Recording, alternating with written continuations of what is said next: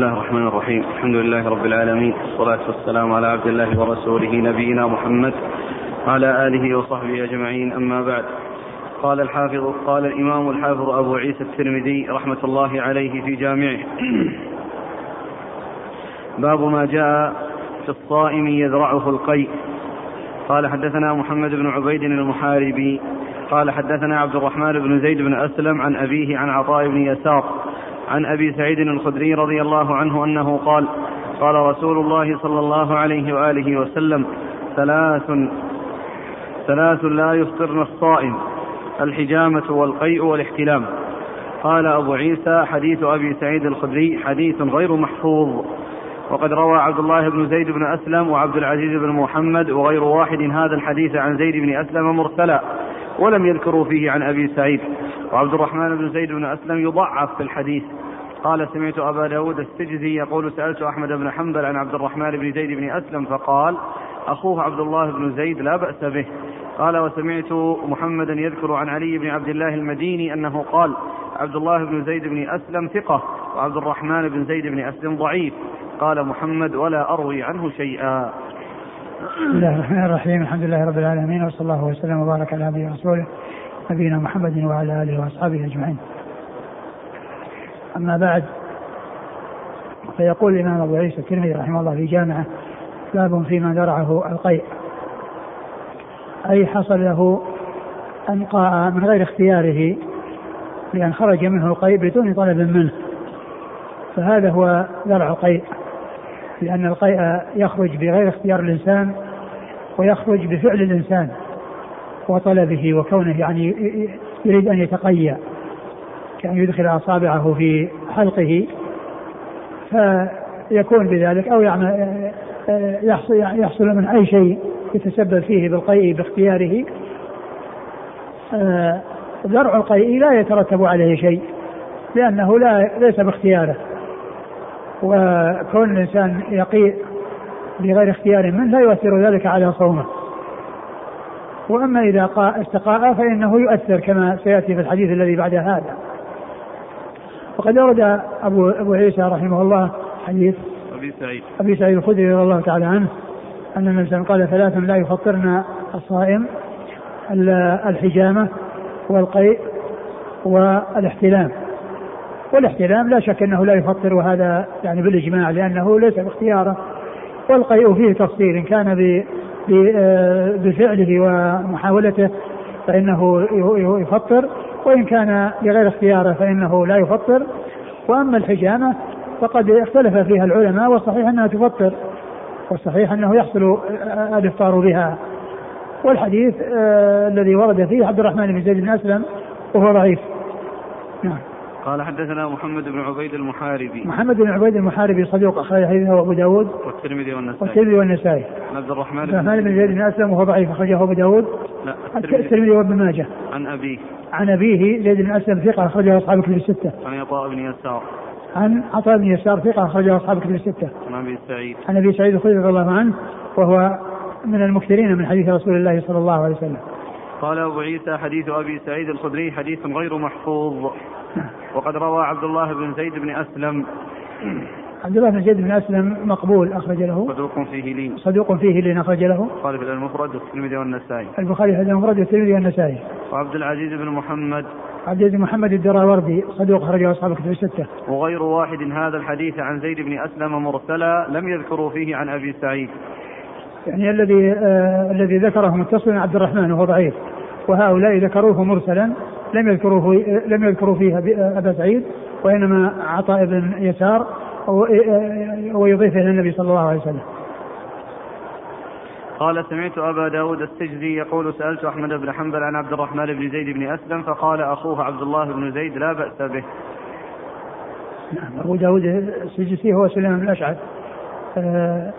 صاحب السنن. وهو من مرة هذا الترمذي والنسائي. الترمذي والنسائي.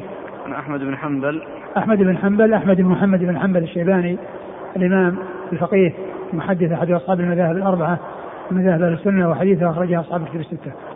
قال وسمعت محمدا يذكر عن علي بن عبد الله المديني. محمد هو البخاري آه أمير المؤمنين في الحديث و وهو من رجال الترمذي والنسائي.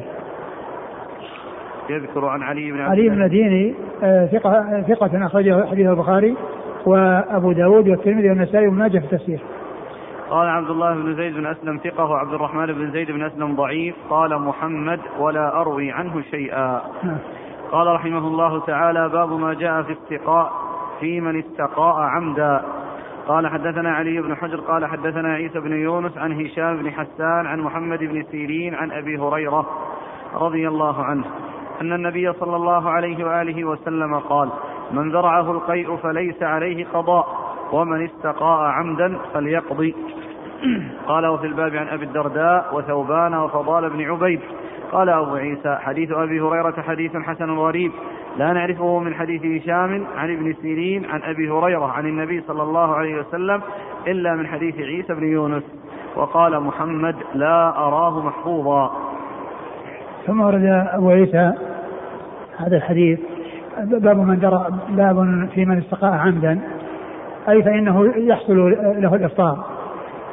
وقد أورد فيه أبو عيسى حديث أبي هريرة رضي الله عنه أن النبي صلى الله عليه وسلم قال من ذرأه القيء فليس عليه قضاء ومن استقاء ومن استقاء عمدا؟ فليقضي نعم. ومن استقاء عمدا فليقضي.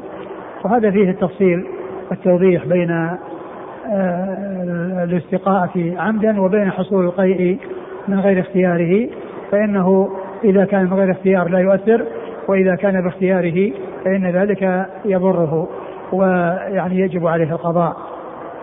و وفيه دليل على أن الإفطار يكون كما يكون بما يدخل فهو يكون بما يخرج. فهو يكون بما يخرج لأن الاستقاء خروج ومثل الحجامة كذلك خروج. ومثل الجماع خروج فكل هذه من ما يحصل بها الإفطار وهو من قبيل ما يخرج وهو يكون الإفطار بما يخرج وبما يدخل نعم قال حدثنا علي بن حجر علي بن حجر ثقة أخرجه البخاري ومسلم والترمذي والنسائي. عن عيسى بن يونس. عيسى بن يونس ثقة أخرجه أصحاب الكتب الستة. عن هشام بن حسان. هشام بن حسان ثقة أخرجه أصحاب الكتب الستة. محمد بن سيرين. عن محمد بن سيرين ثقة أخرجه أصحاب الكتب الستة. عن أبي هريرة. عن أبي هريرة عبد الرحمن بن صخر الدوسي رضي الله عنه وهو أكثر الصحابة حديثا. قال وفي الباب عن أبي الدرداء.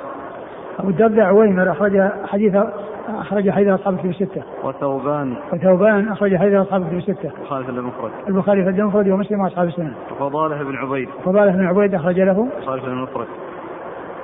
البخاري في الأدب المفرد ومسلم وأصحاب السنة. البخاري في الأدب المفرد ومسلم وأصحاب السنة. قال أبو عيسى حديث أبي هريرة حديث حسن غريب لا نعرفه من حديث هشام عن ابن سيرين عن أبي هريرة عن النبي صلى الله عليه وسلم إلا من حديث عيسى بن يونس. وقال محمد لا أراه محفوظا. قال أبو عيسى وقد روي هذا الحديث من غير وجه عن أبي هريرة عن النبي صلى الله عليه وسلم ولا يصح إسناده. وقد روي عن أبي الدرداء وثوبان وفضال بن عبيد أن النبي صلى الله عليه وسلم قاء فأفطر. وإنما معنى هذا أن النبي صلى الله عليه وسلم كان صائما متطوعا فقاء فضعف فأفطر لذلك. هكذا روي في بعض الحديث مفسرا والعمل عند أهل العلم على حديث أبي هريرة عن النبي صلى الله عليه وسلم أن الصائم إذا ذرعه القيء فلا قضاء عليه وإذا استقاء عمدا فليقضي. نعم. وبه يقول سفيان الثوري والشافعي وأحمد وإسحاق. سفيان الثوري آه، ثقة أخرجه أصحابه الستة. والشافعي محمد بن إدريس الإمام الفقيه أخرج هذا البخاري تعليقا وأصحاب السنن والإمام أحمد آه، كذلك مر ذكره. إسحاق. وإسحاق بن راهوية إسحاق بن إبراهيم بن راهوية الحنظلي المروزي ثقة أخرجه أصحاب كتب الستة إلا ابن ماجه. قال رحمه الله تعالى باب ما جاء في الصائم يأكل أو يشرب ناسيا. قال حدثنا أبو سعيد الأشج قال حدثنا أبو خالد الأحمر عن حجاج بن أرطاه عن قتادة عن ابن سيرين عن أبي هريرة رضي الله عنه أنه قال قال رسول الله صلى الله عليه وعلى آله وسلم من أكل أو شرب ناسيا فلا يفطر فإنما هو رزق رزقه الله. قال حدثنا أبو سعيد الأشج قال حدثنا أبو أسامة عن عوف عن ابن سيرين وخلاس عن أبي هريرة. رضي الله عنه عن النبي صلى الله عليه وآله وسلم مثله أو نحوه.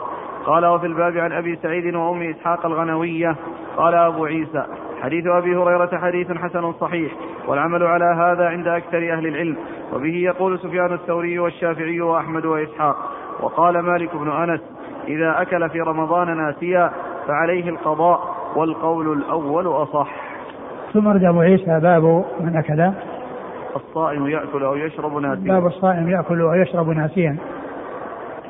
آه هذه الترجمة معقودة لبيان أن من أكل أو شرب ناسيا فإن الأحاديث الصحيحة وردت عن رسول الله صلى الله عليه وسلم في أنه يتم صومه وأنه لا شيء عليه وأنه معذور وأنه لا يكون مفطرا بذلك وأنه آه، طعام أطعمه الله إياه أو شراب سقاه, سقاه الله إياه فلا يؤثر ذلك على صومه بل عليه أن يتمه ولا يقضي ويعتبر صومه صحيحا ولو أكل أو شرب لأنه معذور كما جاءت بذلك هذه الأحاديث عن رسول الله صلى الله عليه وسلم. وقد أورد أبو عيسى, أبو عيسى حديث أبي هريرة رضي الله عنه. من من أكل أو شرب ناسيا قضاء عليه لأنه رزق ساقه الله إليه. وكذلك جاء عن آه، يعني من طرق أخرى يعني آه، وعن جماعة من الصحابة وهي تدل على أن ذلك لا يؤثر. وقد اختلف أهل العلم وجمهورهم على ما تقتضيه هذه الأحاديث من أنه إذا أكل أو شرب ناسيا أن ذلك لا يؤثر. وجاء عن الإمام مالك رحمة الله عليه أن ذلك يؤثر وأن عليه أن يقضي. ولكن القول الصحيح هو الذي دلت عليه هذه الأحاديث الصحيحة الثابتة عن رسول الله صلى الله عليه وسلم. قال حدثنا أبو سعيد الأشج. عبد الله بن سعيد هو ثقة أخرجه أصحاب في الستة. عن أبي خالد الأحمر. أبي خالد الأحمر هو سليمان بن حيان صدوق أخرجه أصحاب أصحاب الكتب الستة. الحجاج بن أرطاه. الحجاج بن أرطاه ضعيف صدوق, صدوق كثير. التدليس والاوهام كثير الاوهام والتدليس. كثير الخطأ والتدليس. كثير الخطأ والتدليس. أخرج له. البخاري المفرد ومسلم وأصحاب السنة. البخاري في المفرد ومسلم وأصحاب السنة. عن قتادة. عن قتادة من دعامة السديس البصري ثقة. اخرجه أصحاب الكتب الستة. عن ابن سيرين. عن ابن سيرين محمد بن سيرين ثقة. أخرجه أصحاب كتب الستة. عن أبي هريرة. عن أبي هريرة رضي الله عنه مر ذكره. ولسان فيه الحجاج بن عطاس ولكنه جاء عن من طرق أخرى أشار إليها مصنف. نعم. قال حدثنا أبو سعيد الأشج عن أبي أسامة. أبو أسامة حماد بن أسامة ثقة أخرجه أصحاب كتب الستة. عن عوف عوف بن أبي جميلة ثقة أخرجه أصحاب كتب الستة. عن ابن سيرين. نعم وخلاس. وخلاس بن عمرو وهو ثقة أخرج له أصحاب الكتب أصحاب الكتب الستة عن أبي هريرة قال وفي الباب عن أبي سعيد وأم إسحاق الغنوية أم إسحاق الغنوية ما ليس لها رواية قال أبو عيسى حديث أبي هريرة حديث حسن صحيح والعمل على هذا عند أكثر أهل العلم وبه يقول سفيان الثوري والشافعي وأحمد وإسحاق وقال مالك بن أنس إذا أكل في رمضان ناسيا فعليه القضاء والقول الأول أصح مالك بن أنس هو إمام دار الهجرة المحدث الفقيه أحد أصحاب المذاهب الأربعة المشهورة من مذاهب السنة وحديثه أخرجه أصحاب الستة. قال رحمه الله تعالى باب ما جاء في الإفطار متعمدا. قال حدثنا محمد بن بشار قال حدثنا يحيى بن سعيد وعبد الرحمن بن مهدي. قال حدثنا سفيان عن حبيب بن أبي ثابت قال حدثنا أبو المطوف عن أبيه عن أبي هريرة رضي الله عنه أنه قال قال رسول الله صلى الله عليه وآله وسلم من أفطر يوما من رمضان من غير رخصة ولا مرض لم يقض عنه صوم الدهر كله وإن صامه. قال أبو عيسى حديث أبي هريرة لا نعرفه إلا من هذا الوجه وسمعت محمدا يقول أبو المطوس اسمه يزيد بن المطوس ولا أعرف له غير هذا الحديث. ثم أبو عيسى هذه الترجمة وهي باب الإفطار متعمدا. الإفطار متعمدا. والإنسان إذا أفطر متعمدا فإنه يأثم لأنه ارتكب أمرا محرما وهو الإفطار يعني في في في رمضان فإن ذلك حرام. وهو يعني من من الكبائر لأنه الصيام آه، آه، أحد أركان الإسلام. و و ومن حصل منه آه، الإفطار فإن عليه التوبة والقضاء. و وبعض أهل العلم يقول أنه لا يقضي. وأورد أبو عيسى هذا الحديث عن أبي هريرة رضي الله عنه أن من أفطر يوما من رمضان لم يقضي لم يقضي صيام الدهر ولو صام يعني معنى ذلك هذا في بيان خطورة الإفطار في رمضان وأنه لا يعني يغنيه أن يقضي و ولكن الحديث ضعيف لأن في إسناده أبو أبو أبو المطوس نعم. أبو المطوس وأبوه و وأحدهما مقبول والثاني مجهول وأحدهما مقبول أحدهما لين الحديث. أحدهما لين الحديث والثاني مجهول فالحديث غير صحيح. يعني كونه يعني لا يعني لا, يقضي صيام الدهر ولا صامه وأنه لا يصوم يعني الحديث في ذلك غير ثابت عن رسول الله صلى الله عليه وسلم. نعم. قال حدثنا محمد بن بشار محمد بن بشار ملقب بن دار ثقة أخرجه أصحاب كتب الستة وهو شيخ لأصحاب كتب الستة. عن يحيى بن سعيد يحيى بن سعيد القطان ثقة أخرجه أصحاب كتب الستة. عبد الرحمن بن مهدي عبد الرحمن بن مهدي ثقة أخرجه أصحاب كتب الستة. عن سفيان سفيان الثوري مر ذكره. عن حبيب بن أبي ثابت. عن حبيب بن أبي ثابت وهو ثقة ويدلس كثير التدليس والإرسال وحديثه أخرجه أصحاب الكتب الستة. عن أبي المطوس. عن أبي المطوس وهو وهو لين الحديث أخرج له أصحاب السنن. أصحاب السنن. عن أبيه. وأبوه وهو وهو مجهول أخرج له أصحاب السنن. عن أبي هريرة. عن أبي هريرة مر ذكره. وفي نسخة التقريب قال أخرجه النسائي الذي هو أبوه.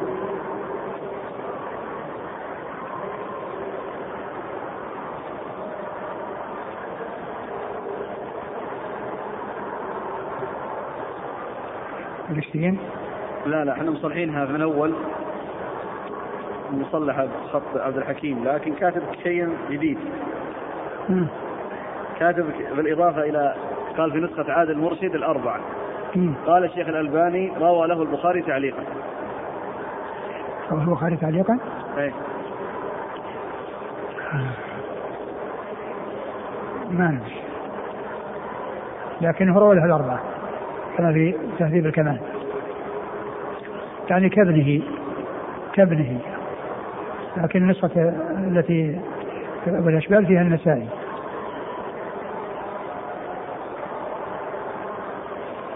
قال أبو عيسى حديث أبي هريرة لا نعرفه إلا من هذا الوجه وسمعت محمدا يقول أبو المطوس اسمه يزيد بن المطوس ولا أعرف له غير هذا الحديث. نعم. قال رحمه الله تعالى باب ما جاء في كفارة الفطر في رمضان. قال حدثنا نصر بن علي الجهضمي وأبو عمار والمعنى واحد واللفظ لأبي عمار واللفظ لفظ أبي عمار. قال أخبرنا سفيان بن عيينة عن الزهري عن حميد بن عبد الرحمن عن أبي هريرة رضي الله عنه أنه قال أتاه رجل فقال يا رسول الله هلكت. قال وما أهلكك? قال وقعت على امرأتي في رمضان. قال هل تستطيع أن تعتق رقبة? قال لا. قال فهل تستطيع أن تصوم شهرين متتابعين? قال لا. قال فهل تستطيع أن تصوم ست أن تطعم ستين مسكينا? قال لا. قال اجلس. فجلس فأتي النبي صلى الله عليه وآله وسلم بعرق فيه تمر والعرق المكتل الضخم. قال تصدق به. فقال ما بين لابتيها أحد أفقر منا؟ قال فضحك النبي صلى الله عليه وآله وسلم حتى بدت أنيابه. قال فخذه فأطعمه أهلك. قال وفي الباب عن ابن عمر وعائشة وعبد الله بن عمرو رضي الله عنهم أجمعين. قال أبو عيسى حديث أبي هريرة حديث حسن صحيح. ثم ورد أبو عيسى هذه الترجمة لباب الكفارة. كفارة الفطر في رمضان. كفارة الفطر في رمضان. آه هذه الكفارة إنما هي بالجماع. هذه الكفارة إنما هي بالجماع لأنها جاءت فيه ولم تأتي في الصوم في الأكل والشرب. وإنما لا شك أنه أن, أن, أن من تعمد يأثم ويبطل صومه وعليه القضاء وليس عليه كفارة إذا كان بالأكل والشرب. وأما الجماع هو الذي ورد فيه الكفارة وهي التي مرتبة هذا الترتيب وهي عتق رقبة وإن لم يعني يجد يصوم شهرين متتابعين فإذا لم يستطع يطعم ستين مسكينا هذه كفارة الجماع في, في, في رمضان. كما ثبت في ذلك هذا الحديث وغيره عن رسول الله صلى الله عليه وسلم. وقد أورد أبو عيسى حديث أبي هريرة أن رجلا جاء إلى النبي صلى الله عليه وسلم وقال هلكت؟ قال ماذا؟ قال آه، وقعت على أهلي في رمضان. فقال عليه السلام هل تستطيع أن تعتق رقبة؟ قال لا. قال تستطيع أن تصوم شهرين متتابعين. قال لا. قال فأطعم ستين مسكينا. قال هل تستطيع قال لا. فقال اجلس. فجاء فجيء إلى النبي صلى الله عليه وسلم بمكتل بعرق وهو المكتل الضخم الكبير الذي فيه يعني طعام كثير. فقال خذه فتصدق به. فقال على أفقر أفقر منا.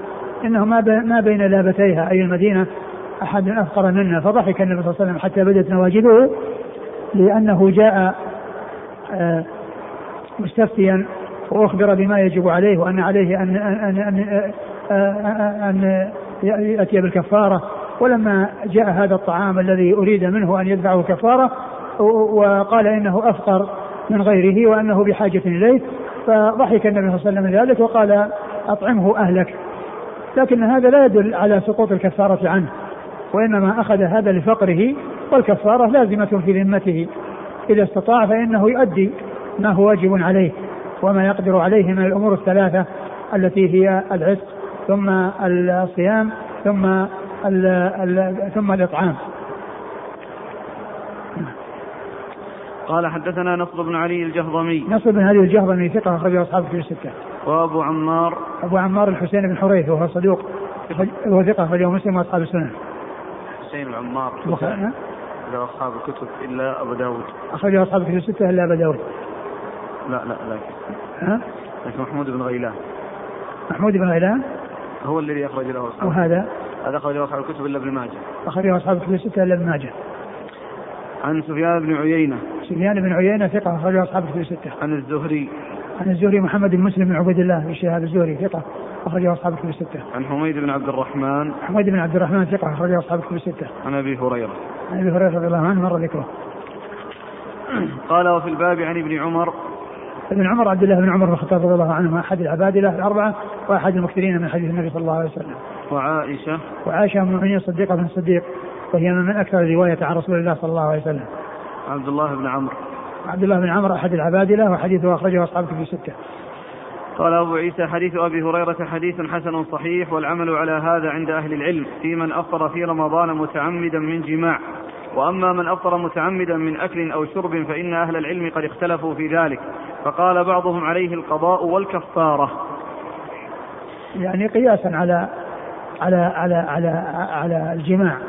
ولكن الحديث ورد في الجماع وفرق بين المقيس والمقيس عليه وشبهوا الأكل والشرب بالجماع وهو قول سفيان الثوري وابن المبارك وإسحاق.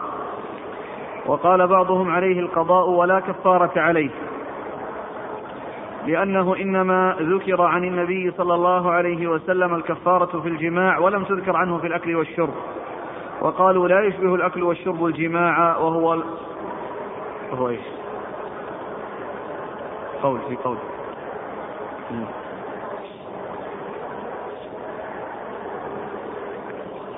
وهو قول الشافعي وأحمد.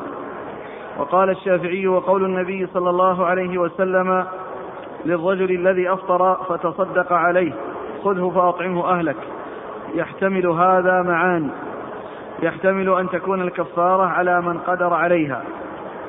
وهذا رجل لم يقدر على الكفارة فلما أعطاه النبي صلى الله عليه وسلم شيئا وملكه فقال للرجل أو فقال الرجل ما أحد أفقر إليه منا. فقال النبي صلى الله عليه وسلم خذه فأطعمه أهلك لأن الكفارة إنما تكون بعد الفضل عن قوته. واختار الشافعي لمن كان على مثل هذا الحال أن يأكله وتكون الكفارة عليه دينا. فمتى ما ملك يوما ما كفر. هذا اختار الشافعي إذا الجمهور نعم. اختيار الشافعي أن في ذمته باقية. أي نعم. والجمهور؟ ما أدري. قال رحمه الله تعالى باب ما جاء في السواك للصائم لأنه ما جاء شيء يسقط الكفارة وإنما حصلت المحاورة بينه وبينه وقال إنه أفقر واحد واحد في المدينة فقال أطعمه أهلك. ولكن ما قال أن الكفارة سقطت لأن الكفارة دين. والدين يعني يبقى في الذمة. المعسر إذا كان عليه دين فإنه يبقى في ذمته نظرة إلى ميسرة. نعم. قال باب ما جاء في السواك للصائم. قال حدثنا محمد بن بشار قال حدثنا عبد الرحمن بن مهدي قال حدثنا سفيان عن عاصم بن عبيد الله عن عبد الله بن عامر بن ربيعة عن أبيه رضي الله عنه أنه قال رأيت النبي صلى الله عليه وآله وسلم ما لا أحصي يتسوك وهو صائم. قال وفي الباب عن عائشة رضي الله عنها قال أبو عيسى حديث عامر بن ربيعة حديث حسن والعمل على هذا عند أهل العلم. لا يرون بالسواك للصائم بأسا إلا أن بعض أهل, أهل العلم كرهوا السواك للصائم بالعود الرطب وكرهوا له السواك آخر النهار. ولم ير الشافعي بالسواك بأسا أول النهار ولا آخرة وكره أحمد وإسحاق السواك آخر النهار. ثم ورد أبو عيسى باب السواك للصائم. والسواك للصائم جائز له أن يستعك في جميع الأوقات. وقد أورد أبو عيسى هذا الحديث آه، عن النبي صلى الله عليه وسلم أنه كان من هو الصحابي؟ عامر بن ربيعة. عامر بن ربيعة أنه قال أكثر ما رأى النبي صلى الله عليه وسلم أنه يستاك وهو صائم.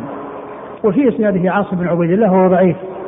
لكن السواك للصائم ثابت في قوله صلى الله عليه وسلم لولا أن أشق على أمتي لأمرتهم بالسواك عند كل صلاة. ومعلوم أن من الصلوات التي آه، تكون ان ان صلاة الظهر وصلاة صلاة الفجر وصلاة الظهر وصلاة العصر كلها في النهار بل آه، إن العصر التي تكون في العشي وفي آخر النهار يشملها هذا الحديث وهو يدل على على السواك في في جميع الصلوات في الليل والنهار. في الليل والنهار أن الإنسان يستاك وأنه لا بأس بذلك. ولهذا بوب النسائي رحمه الله لحديث لولا أن أشق على أمتي قال باب استياك استياك الصائم في العشي استياك الصائم في العشي وأورد تحته هذا الحديث.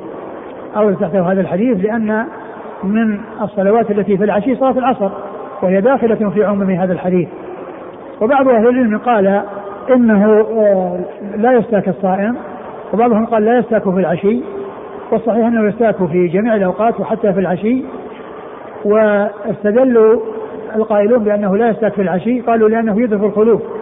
الذي قال عنه الرسول صلى الله عليه وسلم لا خلوف فم الصائم أطيب عند الله من ريح المسك. قالوا هذا يذهب الخلوف. و حديث الرسول صلى الله عليه وسلم في أن الإنسان يستاك آه، يدل على السواك. ثم أن قول, آه، قول من قال إنه يذهب الخلوف لا يعول عليه لأن الخلوف آه، إنما الرائحة تنبعث من الجوف. ومعلوم أنه لو حصل الاستياك فإن الرائحة تنبعث من الجوف بسبب الفراغ وبسبب انحباس الامتناع عن الطعام. فإنه لو حصل الاستياك وحصلت الرائحة الطيبة في الفم بالتسوق فإن الخلوف لا يذهب لأنه يظهر من الجوف. ومعلوم أنه يتصاعد أبخرة تتصاعد فلا فلا يقال. والحديث الذي ورد آه واضح الدلالة آه على جوازه بالنسبة للصائم ثم أيضا الأصل هو الجواز يعني حتى يأتي دليل يمنع. وحديث لا خلوف من الصائم ليس دليلا واضحا على المنع. وكونه يذهب الخلوف أيضا لا يذهبه لأنه يطيب الفم ولكن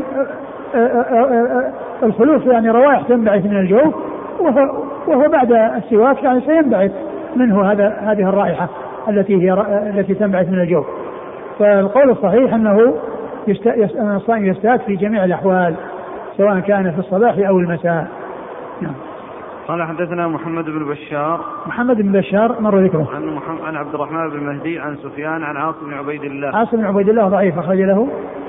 البخاري في خلق أفعال العباد وأصحاب السنن. البخاري في خلق أفعال العباد وأصحاب السنن. عن عبد الله بن عامر بن ربيعة. عبد الله بن عامر بن ربيعة هو؟ قال ولد في حياة النبي صلى الله عليه وسلم أخرجه أصحاب الكتب. آه، ولد في حياة النبي صلى الله عليه وسلم أخرجه أصحاب الكتب الستة. عن أبيه. عن أبيه رضي الله عنه وهو صحابي أخرج له أصحاب الكتب. أصحاب الكتب الستة. قال وفي الباب عن عائشة نعم. قال أبو عيسى حديث عامر بن ربيع حديث حسن والعمل على هذا عند أهل العلم لا يرون بالسواك للصائم بأسا إلا أن بعض أهل العلم كرهوا السواك للصائم بالعود الرطب وكرهوا له السواك آخر النهار. ولم ير الشافعي بالسواك بأسا أول النهار ولا آخرة وكره أحمد وإسحاق السواك آخر النهار. قال رحمه الله تعالى باب ما جاء في الكحل للصائم. قال حدثنا عبد الأعلى بن واصل الكوفي. قال حدثنا الحسن بن عطية. قال حدثنا أبو عاتكة عن أنس بن مالك رضي الله عنه أنه قال جاء رجل إلى النبي صلى الله عليه وسلم فقال اشتكت. اشتكت عيني أفأكتحل وأنا صائم؟ قال نعم. قال وفي الباب عن أبي رافع رضي الله عنه. قال أبو عيسى حديث أنس حديث ليس إسناده بالقوي ولا يصح عن النبي صلى الله عليه وآله وسلم في هذا الباب شيء وأبو عاتكة يضعف واختلف أهل العلم في الكحل للصائم فكره, فكره, فكرهه بعضهم. وهو قول سفيان وابن المبارك وأحمد وإسحاق. ورخص بعض أهل العلم في الكحل للصائم وهو قول الشافعي. ثم ورد أبو عيسى باب الكحل للصائم. والكحل للصائم يعني يجوز له أن يفتحل و وبعضهم كره ذلك. والحديث الذي أورده آه، الترمذي هو ضعيف لأن فيه أبو عاتكة فيه أبو عاتكة وهو ضعيف. نعم. قال حدثنا عبد الأعلى بن واصل الكوفي. هو؟ ثقة رجل الترمذي والنسائي. ثقة رجل الترمذي والنسائي. عن الحسن بن عطية. الحسن بن عطية؟ صدوق. أخرجه الترمذي. عن أبي عاتكة. عن أبي عاتكة وهو ضعيف؟ نعم. أخرج له؟ الترمذي. أخرجه الترمذي. عن أنس. عن أنس رضي الله عنه خادم رسول الله صلى الله عليه وسلم وأحد المكثرين من حديثه صلى الله عليه وسلم. قال وفي الباب عن أبي رافع. أبو رافع أخرج حديث أصحاب كتب الستة. قال أبو عيسى حديث أنس حديث ليس إسناده بالقوي ولا يصح عن النبي صلى الله عليه وسلم في هذا الباب شيء وأبو عاتك فيضعف واختلف أهل العلم في الكحل للصائم فكرهه بعضهم وهو قول سفيان وابن المبارك وأحمد وإسحاق ورخص بعض أهل العلم في الكحل للصائم وهو قول الشافعي. الك... الكراهة يعني يتسرب شيء للجوف من طريق العين. يعني احتمال. احتمال إنه يعني يصل لأنها منفذ. إذا قطرة العين. وكذلك مثلها. على القول الراجح. نعم. دام الكحل ما في شيء. نعم. مثل نعم. أقول قطرة العين. أقول مثله مثل الكحل. في الكراهة ولا في في الجواز؟ يعني يجوز يجوز الإنسان يستعملها. حتى ولو أحس طعمها في حلقه. أه ولو ولو أحسها. لأنها قد تصل الحلق لكن ما ما تصل للجوف ومعلوم إن الحلق قد يصل اليه شيء ولا يروح الجوف قال حدثنا قال رحمه الله تعالى باب ما جاء في القبلة للصائم. قال حدثنا باب ما جاء. في القبلة للصائم. قال حدثنا هناد وقتيبة قال حدثنا أبو الأحوص عن زياد بن علاقة عن عمرو بن ميمون. لكن لكن ينبغي أو الأحوط للإنسان أن أن يتجنب ذلك في النهار إذا وجد عنه بدا. يعني آه، من باب الاحتياط. نعم. قال حدثنا هناد وقتيبة قال حدثنا أبو الأحوص عن زياد بن علاقة عن عمرو بن ميمون عن عائشة رضي الله عنها أن النبي صلى الله عليه وسلم كان يقبل في شهر الصوم. قال وفي الباب عن عمر بن الخطاب وحفصة وأبي سعيد وأم سلمة وابن عباس وأنس وأبي هريرة رضي الله عنهم أجمعين. قال أبو عيسى حديث عائشة حديث حسن صحيح. واختلف أهل العلم من أصحاب النبي صلى الله عليه وسلم وغيرهم في القبلة للصائم. ورخص بعض أصحاب النبي صلى الله عليه وآله وسلم في القبلة للشيخ. ولم يرخصوا للشاب مخافة ألا يسلم له صومه. والمباشرة عندهم أشد. وقد قال بعض أهل العلم القبلة تنقص الأجر ولا تفطر الصائم. ورأوا أن للصائم إذا ملك نفسه أن يقبل وإذا لم يأمن على نفسه ترك القبلة ليسلم له صومه وهو قول سفيان الثوري والشافعي. ثم ورد نعم انتهى. انتهى. ثم ورد أبو عيسى باب القبلة للصائم. والقبلة للصائم فيها التفصيل الذي ذكره المصنف عن بعض أهل العلم أنه إذا كان يعني لا يؤثر ذلك على صومه ولا يخشى عليه أن يترتب على ذلك فساد صومه فله أن يقبل. وأما إذا كان يخشى فعليه أن يجتنب ذلك حتى لا يحصل له الوقوع في أمر يفسد صومه. وعلى هذا فالقبلة فيها التفصيل فيها هذا التفصيل. من يخشى أن تفسد صومه أن يؤثر ذلك عليه بأن يحصل منه إنزال فإن عليه أن يبتعد. ومن لا يخشى ذلك فإنه يجوز. وقد أورد أبو عيسى حديث عائشة رضي الله عنها وأن النبي صلى الله عليه وسلم كان يقبل وهو صائم وكان أملك الناس لإربه أو لأربه أي أنه يعني أملك الناس لحاجته. فمن عرف من نفسه أنه لا يحصل منه شيء يترتب عليه مضرة بأن يفسد صومه لا يجوز له ذلك ومن خاف على نفسه فعليه أن يبتعد عن كل ما يؤدي إلى فساد الصوم. قال حدثنا هناد وقتيبة هناد بن السري ثقة أخرجه البخاري في خلق أفعال العباد ومسلم وأصحاب السنن وقتيبة بن سعيد ثقة أخرجه أصحاب الكتب الستة. عن أبي الأحوص الأحوص سلام بن سليم الحنفي ثقة أخرجه أصحاب الكتب الستة. عن زياد بن علاقة. زياد بن علاقة ثقة أخرجه أصحاب الكتب الستة. عن عمرو بن ميمون. عن عمرو بن ميمون ثقة أخرج له أصحاب الكتب. أصحاب الكتب الستة. عن عائشة. عن عائشة رضي الله عنها. قال وفي الباب عن عمر بن الخطاب. عمر بن الخطاب أمير المؤمنين وثاني الخلفاء الراشدين الهادين المهديين صاحب المناقب الجمة والفضائل الكثيرة. وحديثه عند أصحاب الكتب الستة. وحفصة. وحفصة آه، أم المؤمنين أخرج حديث أصحاب الكتب الستة. وأبي سعيد وأم سلمة. وأم سلمة آه، هند بنت أبي أمية أم المؤمنين أخرج حديث أصحاب الكتب الستة. وابن عباس. وابن عباس عبد الله بن عباس رضي الله عنهما أحد العبادلة وأحد المكثرين من حديث النبي صلى الله عليه وسلم. وأنس وأبي هريرة. قال أبو عيسى حديث عائشة حديث حسن صحيح واختلف أهل العلم من أصحاب النبي صلى الله عليه وسلم وغيرهم في القبلة للصائم ورخص بعض أصحاب النبي صلى الله عليه وسلم في القبلة للشيخ ولم يرخصوا للشاب مخافة ألا يسلم له صومه والمباشرة عندهم أشد. وقد قال بعض أهل العلم القبلة تنقص الأجر ولا تفطر الصائم. ورأوا أن للصائم إذا ملك نفسه أن يقبل وإذا لم يأمن على نفسه ترك القبلة ليسلم له صومه وهو قول سفيان والثوري والشافعي.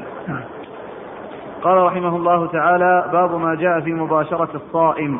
قال حدثنا ابن أبي عمر قال حدثنا وكيع قال حدثنا إسرائيل عن أبي إسحاق عن أبي ميسرة عن عائشة رضي الله عنها أنها قالت كان رسول الله صلى الله عليه وآله وسلم يباشرني وهو صائم وكان أملككم لإربه.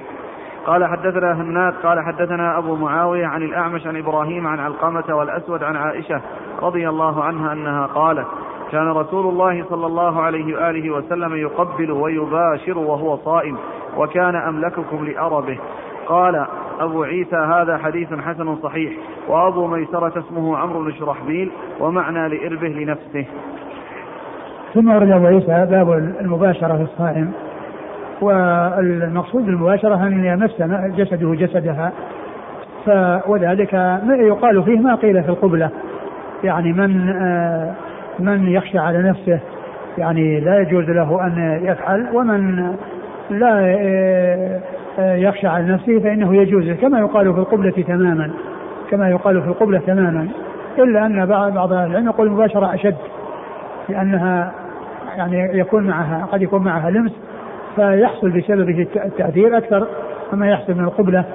لكن التفصيل الذي آه، هو أن من يخشى على نفسه يبتعد ومن لا يخشى فإن ذلك جائز له هو آه، هو الأظهر. قال حدثنا ابن أبي عمر. بن أبي عمر هو العدني محمد بن يحيى هو صدوق. أخرج حديث البخاري. لا مسلم. أخرج حديث مسلم. والترمذي والنسائي. والترمذي والنسائي وابن ماجه. وكيع عن إسرائيل. وكيع هو ابن الجراح ثقة. أخرجه أصحاب الكتب الستة. وإسرائيل ثقة.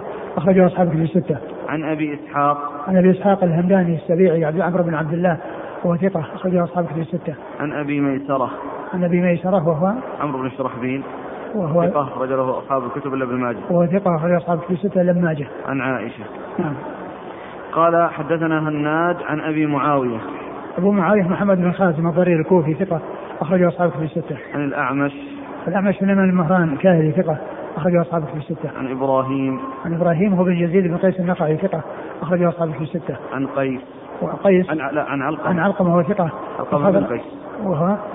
قل علقمة ابن قيس. علقمة بن قيس وهو ثقة. أخرجه أصحاب الكتب الستة. والأسود. والأسود كذلك. أخرجه أصحاب الكتب الستة. عن عائشة.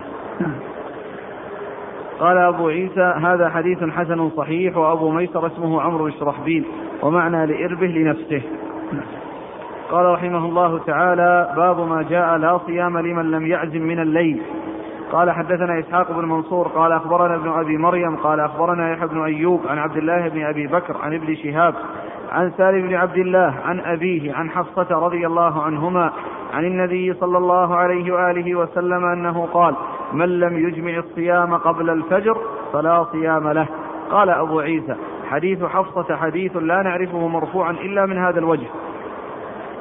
وقد روي عن نافع عن ابن عمر قوله وهو أصح. وهكذا أيضا روي عن هذا الحديث عن الزهري موقوفا ولا نعلم أحدا رفعه إلا يحيى بن أيوب. وإنما معنى هذا عند أهل العلم لا صيام لمن لم يجمع الصيام قبل طلوع الفجر في رمضان. أو في قضاء رمضان أو في صيام نذر. إذا لم ينوه من الليل لم يجزه. وأما صيام التطوع فمباح له أن ينويه بعدما أصبح وهو قول الشافعي وأحمد وإسحاق. ثم أرد أبو عيسى. هذه الترجمة. باب من لا لا صيام لمن لم يعزم من الليل. باب لا صيام لمن, لمن لم يعزم من الليل. وهذا المقصود به في الفريضة. والمقصود بالليل يعني قبل طلوع الفجر. لأن الفرض لا بد أن تكون أن يكون الصيام موجود من أول الصيام إلى آخره. فلو مضى شيء من النهار ولو كان قليلا وهو لم ينوي الصيام فإنه لا يصح صومه.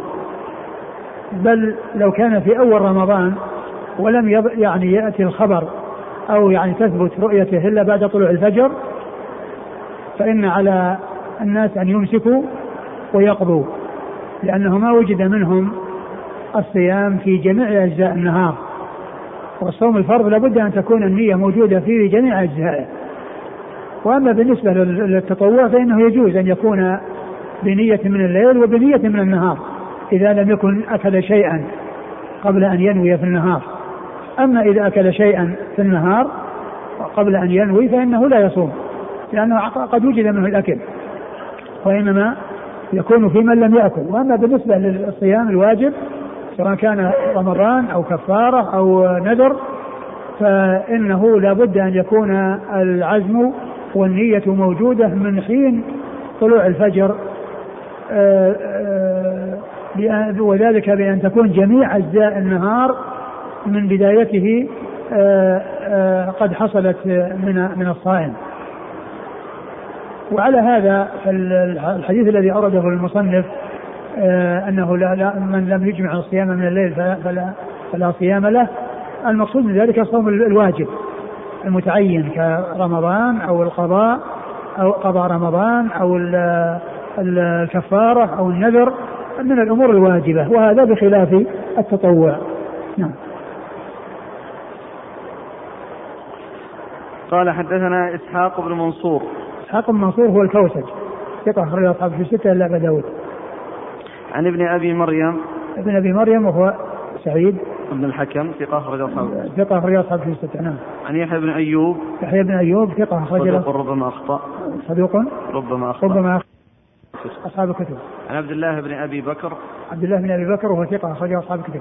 عن ابن شهاب عن سالم. عن ابن شهاب مر ذكر سالم هو بن عبد الله بن عمر. ثقة فقيه أخرجه أصحاب الكتب الستة. عن أبيه عن حفصة.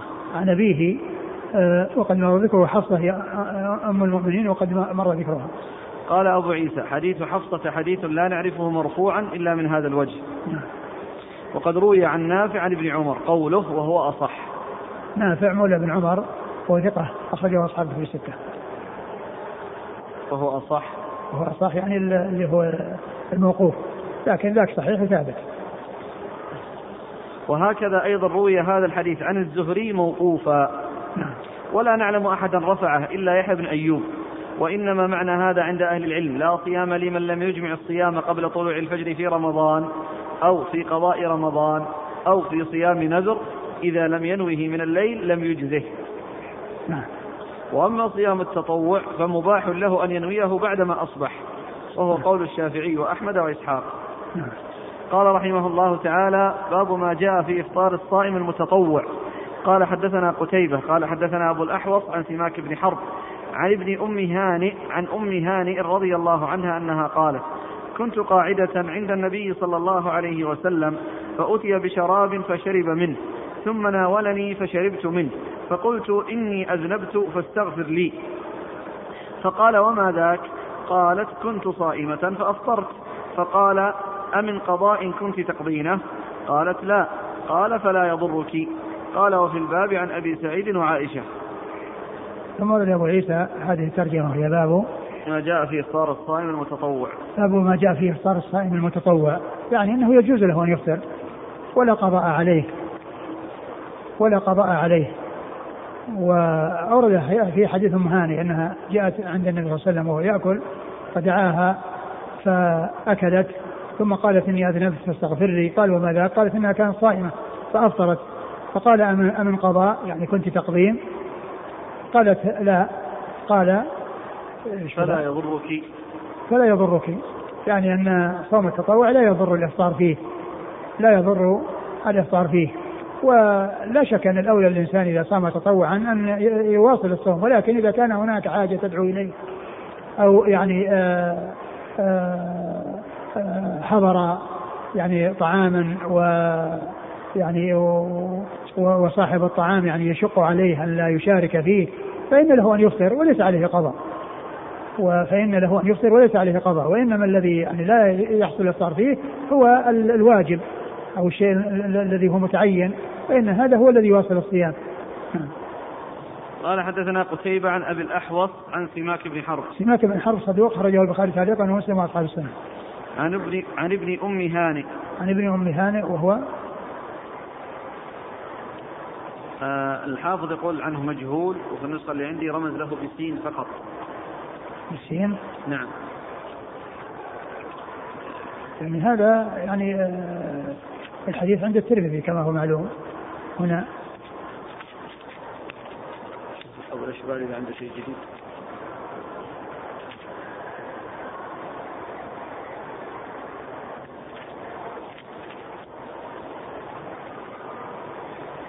أبو الأشبال زاد.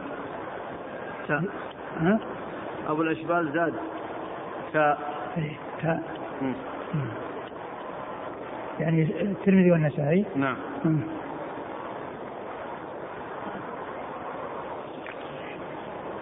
مجهول نعم. هارون بن أم هانئ مجهول أخرجه الترمذي والنسائي. نعم. عن أم هانئ. أم هانئ آه ابنة علي بن أبي ابنة أبي طالب أخت علي رضي الله تعالى عنهما وحديثها أخرجه أصحاب الكتب الستة.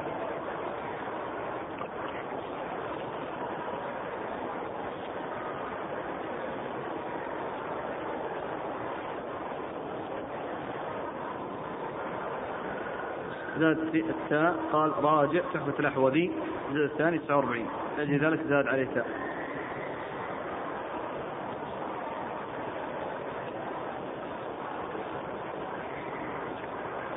قال وفي الباب عن أبي سعيد وعائشة.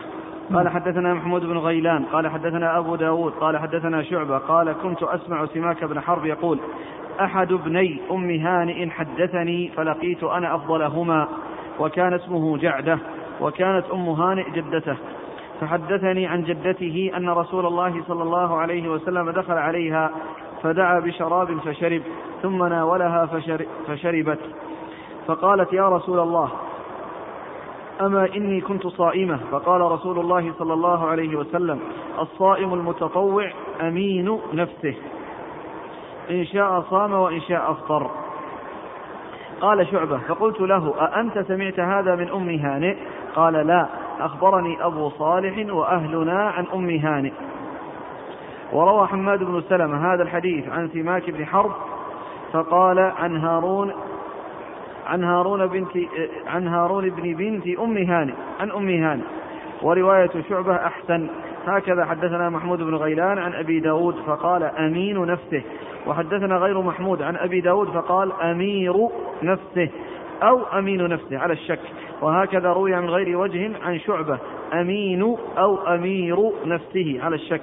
قال وحديث ام هانئ في إسناده مقال والعمل عليه عند بعض أهل العلم من أصحاب النبي صلى الله عليه وسلم وغيرهم أن الصائم المتطوع إذا أفطر فلا قضاء عليه إلا أن يحب أن يقضيه وهو قول سفيان الثوري وأحمد وإسحاق والشافعي.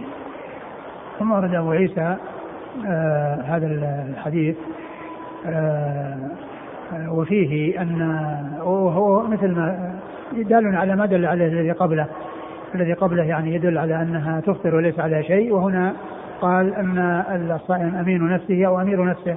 يعني له أن يصوم وله أن يفطر. له أن يصوم وله وليس عليه قضاء. إلا أن يريد. إلا أن يريد من نفسه فهذا له. ولا يمنع منه ولكن لا يجب عليه. لا يجب عليه أن يقضي الشيء الذي صامه تطوعا أو افطر فيه وهو متطوع. نعم. قال حدثنا محمود بن غيلان. محمود بن غيلان ثقة أخرجه أصحاب في الستة إلا أبا داود. عن أبي داود. أبو داود الطيالسي ثقة أخرجه البخاري تعليقا ومسلم وأصحاب السنة. عن شعبة. شعبة في الحجاج الواسطي ثقة أخرجه أصحاب في الستة. عن سماك بن حرب قال أحد ابني أم هانئ حدثني فلقيت أنا أفضلهما وكان اسمه جعدة. نعم جعدة. مقبول أخرجه الترمذي والنسائي. مقبول أخرجه الترمذي والنسائي. عن أم هانئ نعم. قال شعبة فقلت له أنت سمعت هذا من أم هانئ قال لا أخبرني أبو صالح. عن أم هانئ أهل أبو صالح وأهلنا عن أم هانئ أبو صالح هو؟ آه باذام لا لا هذاك آه، إيش كان فيه؟ ضعيف ضعيف. أخرجه أصحاب السنة. نعم. ضعيف أخرجه أصحاب السنة.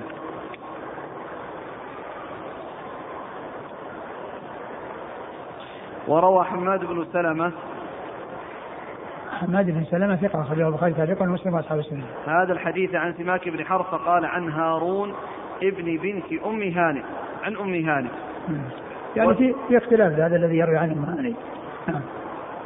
ورواية شعبة أحسن. هكذا حدثنا محمود بن غيلان عن أبي داود فقال أمين نفسه. وحدثنا غير محمود عن أبي داود فقال أمير نفسه أو أمين نفسه على الشك. وهكذا روي من غير وجه عن شعبة. أمين أو أمير نفسه على الشك. نعم. قال وحديث أم هانئ في إسناده مقال. نعم. آه، والعمل عليه عند بعض أهل العلم من أصحاب النبي صلى الله عليه وسلم وغيرهم أن الصائم المتطوع إذا أفطر فلا قضاء عليه إلا أن يحب أن يقضيه وهو قول سفيان الثوري وأحمد وإسحاق والشافعي. نعم. قال رحمه الله تعالى باب صيام المتطوع بغير تبييت قال حدثنا هناد قال حدثنا وكيع عن طلحة بن يحيى عن عمته عائشة بنت طلحة عن عائشة أم المؤمنين رضي الله عنها أنها قالت دخل علي رسول الله صلى الله عليه وسلم يوما فقال هل عندكم شيء؟ قلت قالت قلت لا. قال فإني صائم. قال حدثنا محمود بن غيلان قال حدثنا بشر بن السري عن سفيان عن طلحة بن يحيى عن عائشة بنت طلحة عن عائشة أم المؤمنين رضي الله عنها أنها قالت كان النبي صلى الله عليه وآله وسلم يأتيني فيقول أعندك غداء؟ فأقول لا فيقول إني صائم. قالت فأتاني يوما فقلت يا رسول الله إنه قد أهديت لنا هدية. قال وما هي؟ قالت قلت حيث. قال أما إني قد أصبحت صائما؟ قالت ثم أكل. قال أبو عيسى هذا حديث حسن. ثم ورد أبو عيسى هذه الترجمة لباب صيام التطوع بدون تبييت. يعني دون أن يبيت من الليل بل يجوز بنية من النهار. وإنما الذي يحتاج إلى تبييت هو الواجب كما سبق أن مر. وأما التطوع فإنه يجوز بدون تبييت بل يجوز بنية من النهار. وقد أورد أبو عيسى حديث عائشة رضي الله عنها أن النبي صلى الله عليه وسلم كان يأتيها ويسألها هل عندكم شيء؟ فيقول إني صائم. وذلك بنية من النهار. وذلك بنية من النهار فهو يدل على أنه لا يلزم تبييت الل- النية من الليل. لأنه لو وجد شيئا فإنه يعني يأكل. ولكن كونه أصبح غير آكل ولم يجد شيئا ثم إنه نوى الصيام يدل ذلك على ما ترجم له المصنف من أنه لا يحتاج إلى تبييت. ويدل أيضا على أن من من يعني صام تطوعا له أن يفطر. لأنه جاء في بعض الروايات هنا أنه أكل فقد قال إني أصبحت صائما ثم قال لها ناوليني الحيث فأكل منه عليه الصلاة والسلام. فدل ذلك على جواز آه، كون الإنسان يفطر إذا إذا كان صائما إذا كان الصوم تطوعا. نعم. قال حدثنا هناد عن وكيع عن طلحة بن يحيى طلحة بن يحيى هو؟ صدوق يخطئ رجله مسلم وأصحاب السنن صدوق يخطئ أخرجه مسلم وأصحاب السنن عن عمته عائشة بنت طلحة. وهي ثقة أخرجها أصحابه في الستة عن عائشة أم المؤمنين. نعم. قال حدثنا محمود بن غيلان عن بشر بن السري. بشر بشر بن سري ثقة أخرجها أصحاب الكتب الستة إلا؟ كلهم.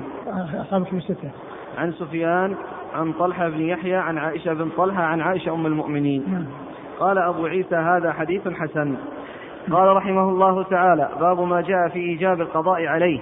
قال حدثنا أحمد بن منيع قال حدثنا كثير بن هشام قال حدثنا جعفر بن برقان عن الزهري عن عروة عن عائشة رضي الله عنها أنها قالت كنت أنا وحفصة صائمتين فعرض لنا طعام اشتهيناه فأكلنا منه.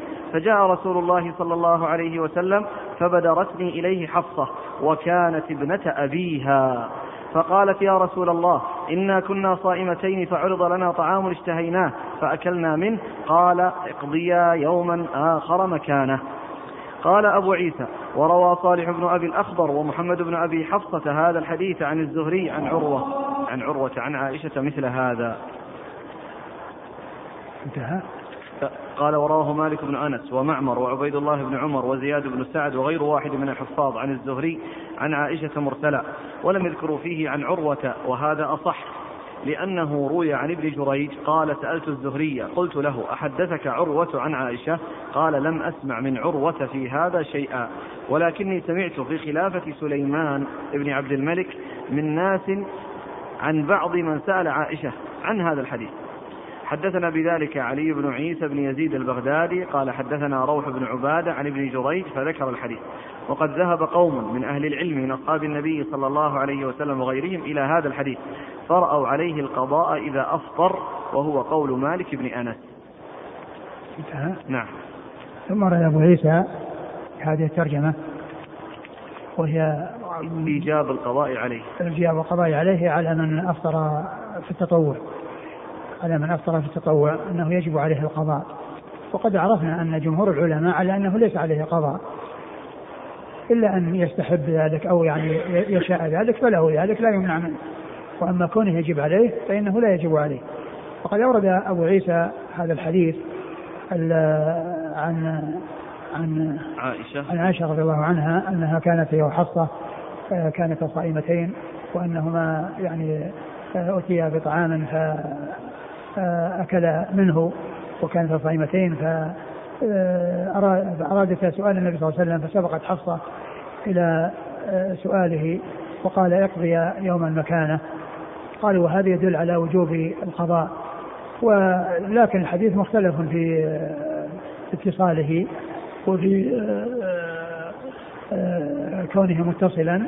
فإن آه، جماعة من الثقات رووه بدون بدون الاتصال وإنما وصله بعض الرواة وفيهم من فيه كلام الذين رفعوه ووصلوه وروه متصلا إلى رسول الله صلى الله عليه وسلم. وقد مر يعني في بعض الأحاديث يعني ذكر الإفطار وبدون قضاء وبدون إشارة إلى قضاء وأن القضاء إنما يكون لمن أراد ذلك واستحبه. أما أن يكون واجبا عليه ومتعين عليه فإن هذا لا يكون. وإنما يكون في من أفطر يعني في أمر واجب يعني في فإنه يجب عليه القضاء. هذا هو الذي يجب عليه القضاء وأما في التطوع فإنه لا يجب عليه. قال حدثنا أحمد بن منيع عن كثير بن هشام. كثير بن هشام هو ثقة أخرج البخاري في المفرد ومسلم وأصحاب السنة. ثقة أخرج البخاري في المفرد ومسلم وأصحاب السنة. عن جعفر بن برقان. جعفر بن برقان وهو صدوق يهم في حديث الزهري. صدوق يهم في حديث الزهري وهذا منه لأنه يروي عن الزهري. نعم. أخرج البخاري في المفرد ومسلم وأصحاب السنة. البخاري في المفرد ومسلم وأصحاب السنة. عن الزهري عن عروة عن عائشة. نعم. قال أبو عيسى وروى صالح بن أبي الأخضر صالح بن أبي الأخضر هو ضعيف يعتبر به نعم. أخرجه أصحاب السنن. نعم أخرجه أصحاب السنن. ومحمد بن أبي حفصة. وهو؟ صدوق يخطئ أخرجه البخاري ومسلم وأبو داود في المراسيل والنسائي. صدوق يخطئ أخرجه؟ البخاري ومسلم. البخاري ومسلم وأبو داود في المراسيل والنسائي. والنسائي. عن آه، روي هذا الحديث عن الزهري عن عروة عن عائشة مثل هذا. نعم. ورواه مالك بن أنس ومعمر وعبيد الله بن عمر وزياد بن سعد وغير واحد من الحفاظ عن الزهري عن عائشة مرسلا. يعني هؤلاء رواه مرسلا وأولئك الذين فيهم كلام رواه متصلا. ومالك مر ذكره و معمر. ومعمر بن راشد الأزدي وهو ثقة أخرجه أصحاب في الستة. وعبيد الله بن عمر. وعبيد الله بن عمر المصغر. ثقة أخرج أصحابه في الستة وزياد بن وزياد بن زياد بن سعد ثقة أخرج أصحابه في الستة قال وغير واحد من الحفاظ عن الزهري عن عائشة مرسلا لم يذكروا فيه عن عروة وهذا أصح لأنه روي عن ابن جريج. ابن جريج هو عبد الملك بن العزيز بن جريج. ثقة أخرج أصحابه في الستة قال سألت الزهري قلت له أحدثك عروة عن عائشة؟ قال لم أسمع من عروة في هذا شيئا. ولكني سمعت في خلافة سليمان بن عبد الملك من ناس عن بعض من سأل عائشة عن هذا الحديث. حدثنا بذلك علي بن عيسى بن يزيد البغدادي. علي بن عيسى بن يزيد البغدادي مقبول أخرج له الترمذي. مقبول أخرجه الترمذي نعم. عن روح بن عبادة. روح بن عبادة ثقة أخرج أصحاب في الستة. عن ابن جريج فذكر الحديث. نعم. وقد ذهب قوم من أهل العلم من أصحاب النبي صلى الله عليه وسلم وغيرهم إلى هذا الحديث فرأوا عليه القضاء إذا أفطر وهو قول مالك بن أنس نعم. باب ما جاء في وصال شعبان برمضان. والله تعالى أعلم وصلى الله وسلم وبارك على نبينا محمد وعلى آله وأصحابه أجمعين. جزاكم الله خيرا وبارك الله فيكم ونفعنا الله بما قلتم. سبق أن طرح سؤال حديث ليس من بر صيام في مستفر مم. الأخ جزاه الله خير يقول ذكر الشيخ الألباني رحمه الله في الإرواء تحت تحت حديث رقم 935 الجزء الرابع. نعم. أن الحديث بهذا اللفظ شاذ بل منكر. مم. هو تقدم أن عند كلام الشارح أن هذا من الرسول صلى الله عليه وسلم أو أنه من نفس ال ال الصحابي آه، الذي حدث الرسول صلى الله عليه وسلم وأنه تكلم به على لغته. نعم.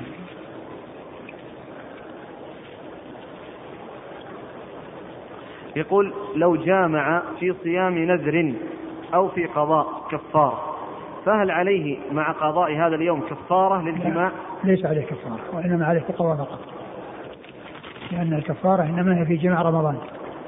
القضاء يختلف لأنه ما ما أفسد يعني صوم صوم في شهر رمضان.